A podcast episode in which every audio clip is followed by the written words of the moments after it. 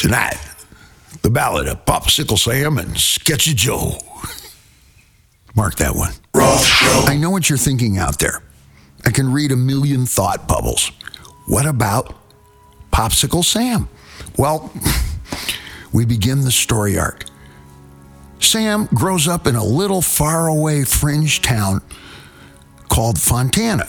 And back in the 60s, when he was growing up, it took about an hour and a half to drive there from Pasadena, and we used to refer to it as Fontucky. Sam has a relatively normal upbringing, the usual uh, mom cries, dad yells. But then something unusual happens, and I'm going along with what I've read on the internet specifically here. I would never dare impugn or infer or even imagine this out loud. But according to Sam, he was abducted by aliens. So that begins his story arc. He's 15 years old. He's out in the park. He's going to go meet the other kids to smoke Marlboros and, you know, hang out with the girls and everything. And I'm assuming it's a flying saucer. Tom, you're technical. I'm not. I'm analog. You're digital. Would it be a beam? A tractor beam? Or would it be a saucer shape? What would have? Would Sam get sucked up instantly or I think it would be both. I think there would be a saucer and a tractor beam. in the 60s? Yeah. Would there be a string? The place that we would hang out the most frequently was Bob's Big Boy. Bob's Big Boy. You can look it up on the internet. He'd have the kid in the checkerboard thing with the haircut, and he's holding up the big boy. And you didn't have to think, it was already laid out for you. It's the best after the kegger beer food you can get, and you would get the combo. It would be the Bob's Big Boy cheeseburger, and you wouldn't have to say anything else because the small salad with the Bob's Big Boy blue cheese dressing and the french fries just came with it. Buddhist question Is it the french fry or the salt? There is no answer. More Buddhist question Is it the iceberg lettuce or the Bob's Big Boy blue cheese dressing? There is no answer, and yet question remains. And that's why I'm going to invoke this is a question we all know, like one hand clapping. Can we ever know this? We don't know. We may never know. But one thing I do know when you order the Bob's Big Boy cheeseburger, the salad and the fries just come with. And another thing I know that when you're abducted by aliens, you get sex probed. I am compelled to solicit this sordid subject in an effort to explain Sam Hagar's conduct. For the last 10 summers, I haven't said a single syllable about him. Not one. I defy you. And in the face of a constant fart gas aimed in our direction here at the Mojo Dojo Diamond Dave Laboratories. And I think we've arrived at both the technical and the medical answer that may explain some of Sammy Hagar's conduct and his constant spew of diarrhea vitriol in our direction. Sammy Hagar was abducted by aliens and he was sex probed, Tom. Sex probed. I don't know anything about extraterrestrials. I myself am a prober. And yes, back in high school, I know a gal whose parents, and consequently she, they had no green cards. Her parents actually came across the river. They swam. She was Hispanic. Her name was Eileen. And she was an illegal alien. And after a few hits on the bong, I referred to her and she would giggle as illegal Eileen. That's the closest I get to actual physical contact with aliens. And yes, I probed her many times. Judging from her response and further requests, I sent that girl into outer fucking space. I'm trying to make a connection. I'm trying to empathize. I'm trying to. I'm the son of a doctor. I became EMT when I was 50. I feel for it, okay? So the closest thing that I could think of anal- analogous to what Sam may have experienced, because I have no idea. Talk to me, Tom. You're technical, you're digital. What might an alien sex probing procedure? What's the mechanism of that? What might that? Is, does it require apparatus? Is it a beam? Is it a uh, like a sonar?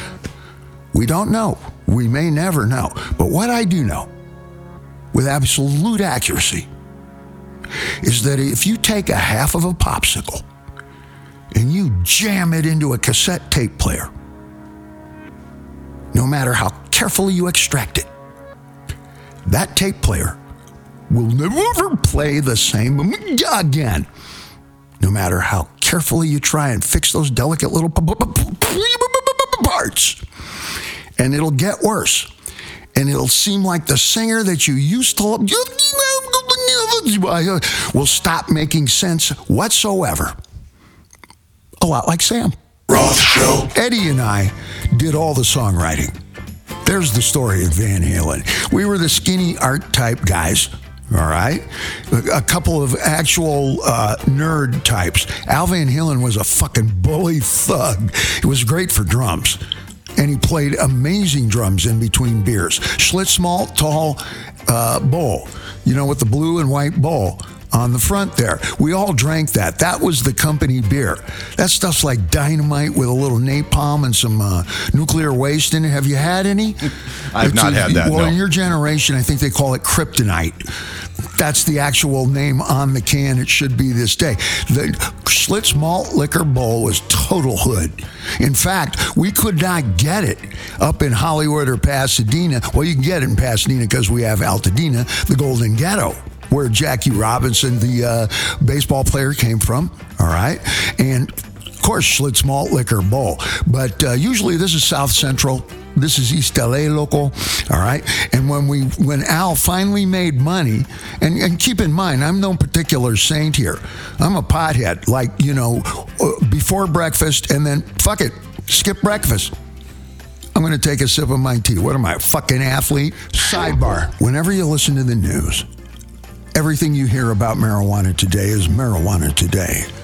Intensely more powerful. What are they thinking over there? That's like kryptonite. That's like napalm. Kryptonite, napalm. Actually sounds like a brand.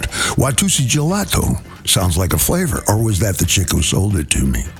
Nobody walks into a liquor store and says, I've never had liquor before. I'm a, I'm from an Amish enclave. I've never had liquor before.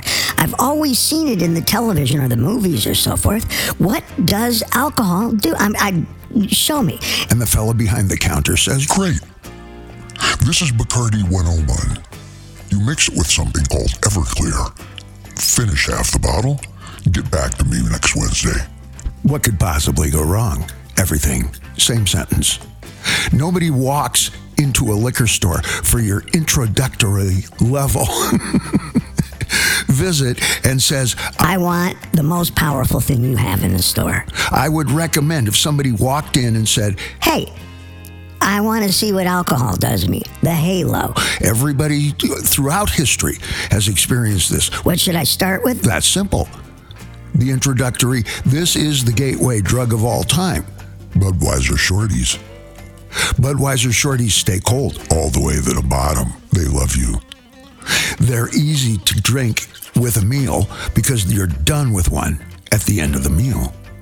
If you have a large one, how, is, isn't a tall two beers?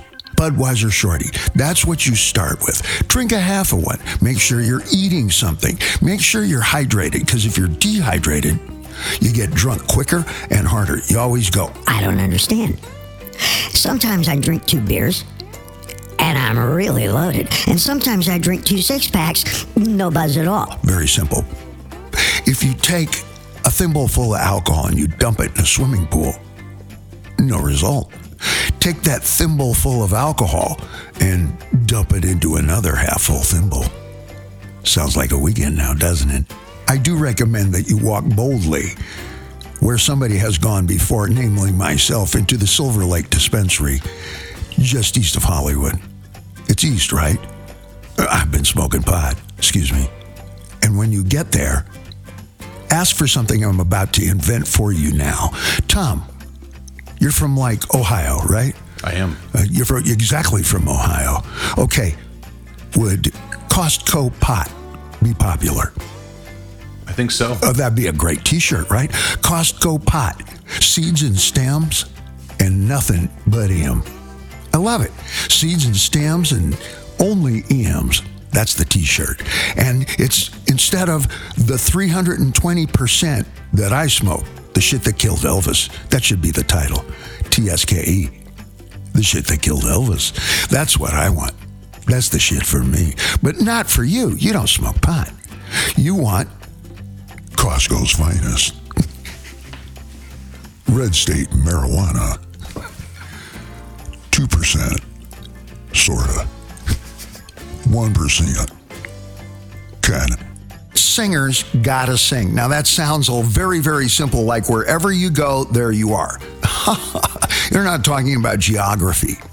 You're talking about your personality, your character, and who you are. And if you're like me and you seek geographic solutions to your social issues, like I just broke up with my girlfriend, I feel miserable, therefore, I'll move to New York. geographic solutions to emotional problems, okay? You can't put bubbles in your stomach when you sing. You have to compress your stomach. So there's no soda pop, there's no beer, there's no two beers, and especially no seven beers. I, I learned that the hard way. It took me at least seven lessons, but there you go. You rarely see a singer drinking anything that's effervescent or has bubbles for the single reason that you have to compress your guts in order to sing. And when you really hit the high note, opera style, you exhale before you actually hit that high note, Caruso style. This is a Caruso operatic technique. And Caruso's most famous expression was, you know, first you have to compress your stomach and you tighten your butt muscles. He was a very earthy fella, okay? And he said, he, one of his most famous quotes is that when I go for my high note, my cheeks are so tight that I could hold an American silver dollar between them. Hand me the coin, Tom. Eddie Van Halen and I, identical balancing act. I am already hyper have been my entire life. Have you noticed? Have you noticed? You've really noticed, right? Tom, you can tell me if you noticed. Put it on mute and tell me. Really, really. when I smoke pot, I get to this pace, which is roughly my version of 33 and a third for all you boomers who know plastic. If you know the record player, it's 33 and a third. Eddie Van Halen started off regular 33 and a third, and a thousand times in 50 years, and this was one of the main triggers, he would go, and all of you, all of you friends and family that I know you're listening, tell me if I don't get this tonally correct. Dave, I fucking hate my brother. It's why I fucking drink. Dave. And he would rub his forehead and look down. Dave, I fucking hate my brother. Ow. Give me another beer. I swear to God, a thousand times. And the first 300 times I thought, oh, you fucking sissy. You're just like me. you blame everybody else for personal problems and whatnot. Al drove his brother fucking crazy. He's a big bully. Al weighed about 20 more pounds, drank between two and six six packs of Schlitz malt tall liquors a day. At the height of his shit, they had to put in a special industrial refrigerator in the guest house at Eddie's studio. The road manager who was in charge of it at the time kept me posted as we were going. He said, Dave, I had to put in a. We had two regular refrigerators, but I had to bring it in by the case because we were finishing, I don't know, case and a half a day. She says, I had to get ahead of time or I'm going to be driving down to Gil Turner's Liquor every fucking day. This is Mulholland. You know the fucking traffic. It's always been bad since the 70s, and it's even worse now. First time he walks into Gil Turner, he says, You have Schlitz malt liquor, bull? And they laugh because that's Hood. Marilyn Monroe, Frank Sinatra, Dean Martin, Brad Pitt go to Gil Turner's Liquor. Okay, like that. You drink Hood? Well, we can order it for you. We'll get a couple of six packs. They think you're like he's ordering tab. Maybe now and then you're going to pass by and buy a six pack out of nostalgic reasoning, whatever. No, no. I need two, cas- two cases every other day. And it has to be delivered up to the guest house. And they maintained that level. Al ended up on the floor in a sleeping bag. I think it was his second wife. Gutted him. I felt so bad for him. All right. And he's up to that level, well, almost the same level of pot that I smoke every day. I smoke my body weight more than the gross national product of most emerging young African nations, I think is what my business manager, Jerry Leonard, said on. Get, go ahead and get Jerry on the phone there, Tom, if you will. I just received a bill. You're going to laugh at this. The Silver Lake Dispensary over in Silver Lake, which is just east of Hollywood, or yeah, it's just east of Hollywood, right? Very famous, the Silver Lake Dispensary, the purest, cleanest, most tested, most easy to find, but taxes paid, etc. Okay, Jerry, are you there? I'm here. Okay, Jerry, we're on the air. I'm talking to Jerry Leonard, my business manager. Without giving away any sensitive numbers, Jerry's been handling five star bigwigs, all of us on the left hand side of the billboard chart. That's a compliment, Jerry. For longer than Taylor Swift has been with us. All right, Jerry, Yes. would you please share with the folks my recent bill for pot coming from the Silver Lake Dispensary? 92. Are you sure you want to hear this? Please. $92,000. Say that one more time. $92,000. It still takes my breath away. Thank you, Jerry. We'll see you on the next versifi- verification. She's the human lie detector. She keeps me absolutely square biz, okay? The $92,000 pot bill. That's got to be a record. That's got to be special. That's got to be a world record special. $92,000. How do we let things go so far? I walked into the dispensary the first time and I asked them, I want something that's kind of strong. Clearly, I'm a little bit energized. I'm switched on. she says, What do you mean? I says, I want to watch Godfather 1 and Godfather 2 without getting up to pee. Godfather 3 was good, but I think it was a little misunderstood. she says, That's right over here. And it's called Skywalker OG. as in the second Godfather finishes, you look at your watch and go, Oh, gee. she says to me, Is that all there is? I love Sinatra. I says, No. I have to go home and do some homework. I need something that's the opposite of the Godfather weed. What do you mean? Well, I have to rewrite part two, three, and four of Stairway to Heaven Rhapsody. On the water. She sold me that. I haven't slept in years. For seven and a half years, they drop it off. It's a delivery service. It's all above board. It's taxed. I have my business manager say, How much do we owe you? Don't worry. It's on a post it note that wound up on a post it note that wound up on the screen of the computer that we, well, when we upgraded, we lost the post it note. But we plan to find it very, very soon. Who becomes a fireman? a kid whose dad is a fireman, who becomes a doctor, a daughter whose dad's a doctor, and who loses post it notes for seven and a half years. Somebody who grows pot. One of the funniest examples of I'm slowing down and Eddie is speeding up was his wedding night. I don't think Valerie knew this, or she might have sensed some of what was going on. But Eddie and I both hated her family. We both hated her family, her brothers, and sisters, the parents, etc. I don't know what Ed told him. And when I went to their wedding party, which is at this giant palatial place where they have after Oscars parties and after Grammy parties, very palatial. If I am accurate, the bathroom for the guests is just in the door and to the left which was perfect for me because I didn't really want to go in. So I stepped through the door and I turned left and I go, you know, I'm going to smoke a joint before I go in. I go into the bathroom and Eddie's in there doing a bump.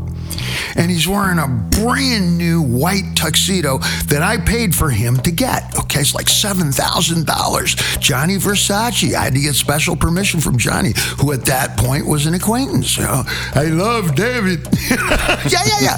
Okay, had to get special permission, like, because they'll make custom clothes if you're a giant basketball player. Okay, it was 7,000 bucks in 1980. What the fuck? All right, it's beautiful. Ed, it's this is a well photographed event. He's, he's got this beautiful three piece tuxedo on, and in those days.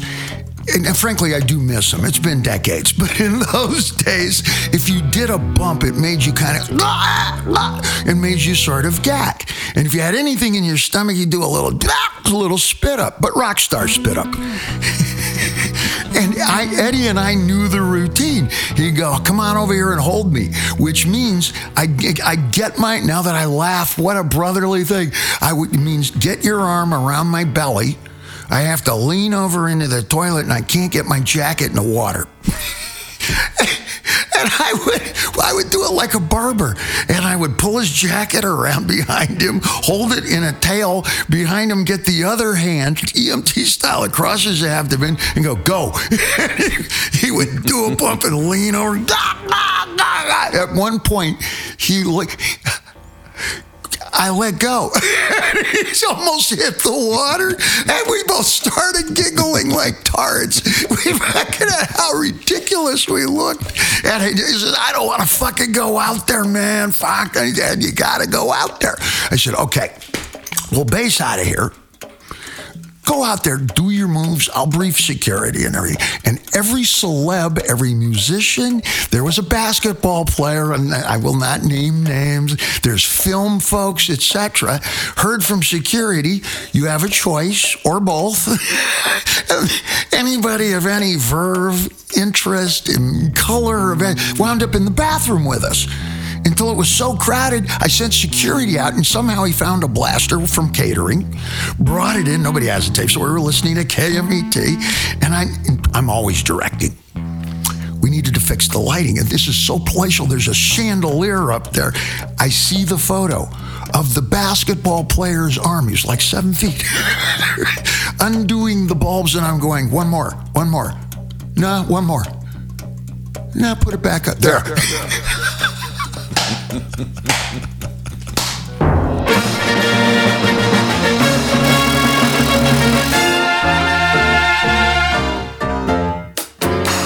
Van Halen weren't true to no woman, nobody, and no kind of thing except two of them.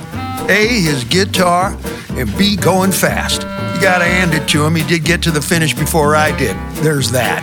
Not for one second was this crazy brother of another mother true blue to any of his wives or anybody in between except those two things. The phone rings, it's Eddie. I can tell instantly he's not having a good day this week, and I go, What's up? Bad day at family therapy. Uh oh. Yeah, I left a VHS tape in the machine in my bedroom, and Valerie, my wife, found it. Instantly, I know what he's up to because Eddie and I grew up together. We turned 21 together. What are you talking about? We shared the same girlfriends together. What do you think women in love is about? His girlfriend, which turned into my girlfriend, and my girlfriend, which turned into his girlfriend, ran off together. It was the 70s, a very mighty time you had to be there. Yeah, she found the tape. She saw what was on the tape, and I think we're finally getting the divorce. I know what this crazy schmo is up to. He's putting a magazine down like when Playboy was there and you would wait until your girlfriend, which later might become your fiance, finds the fucking article, says, Are you into this? And you go, Why?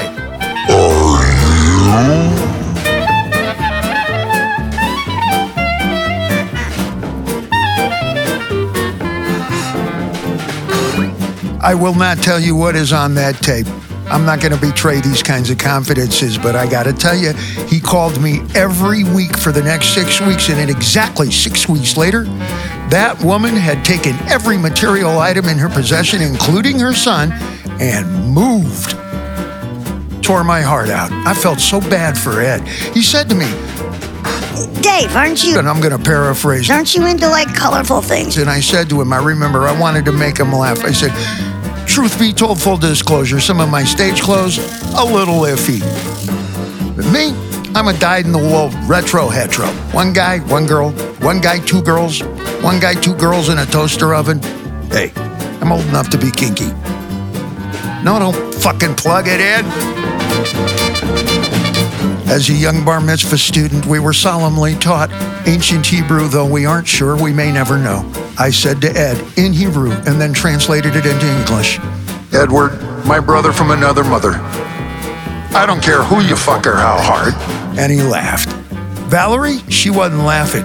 In a declaration of some evangelical type 1930s fucking hate, she and her lawyers beat the shit out of that kid. She fucked him out of everything.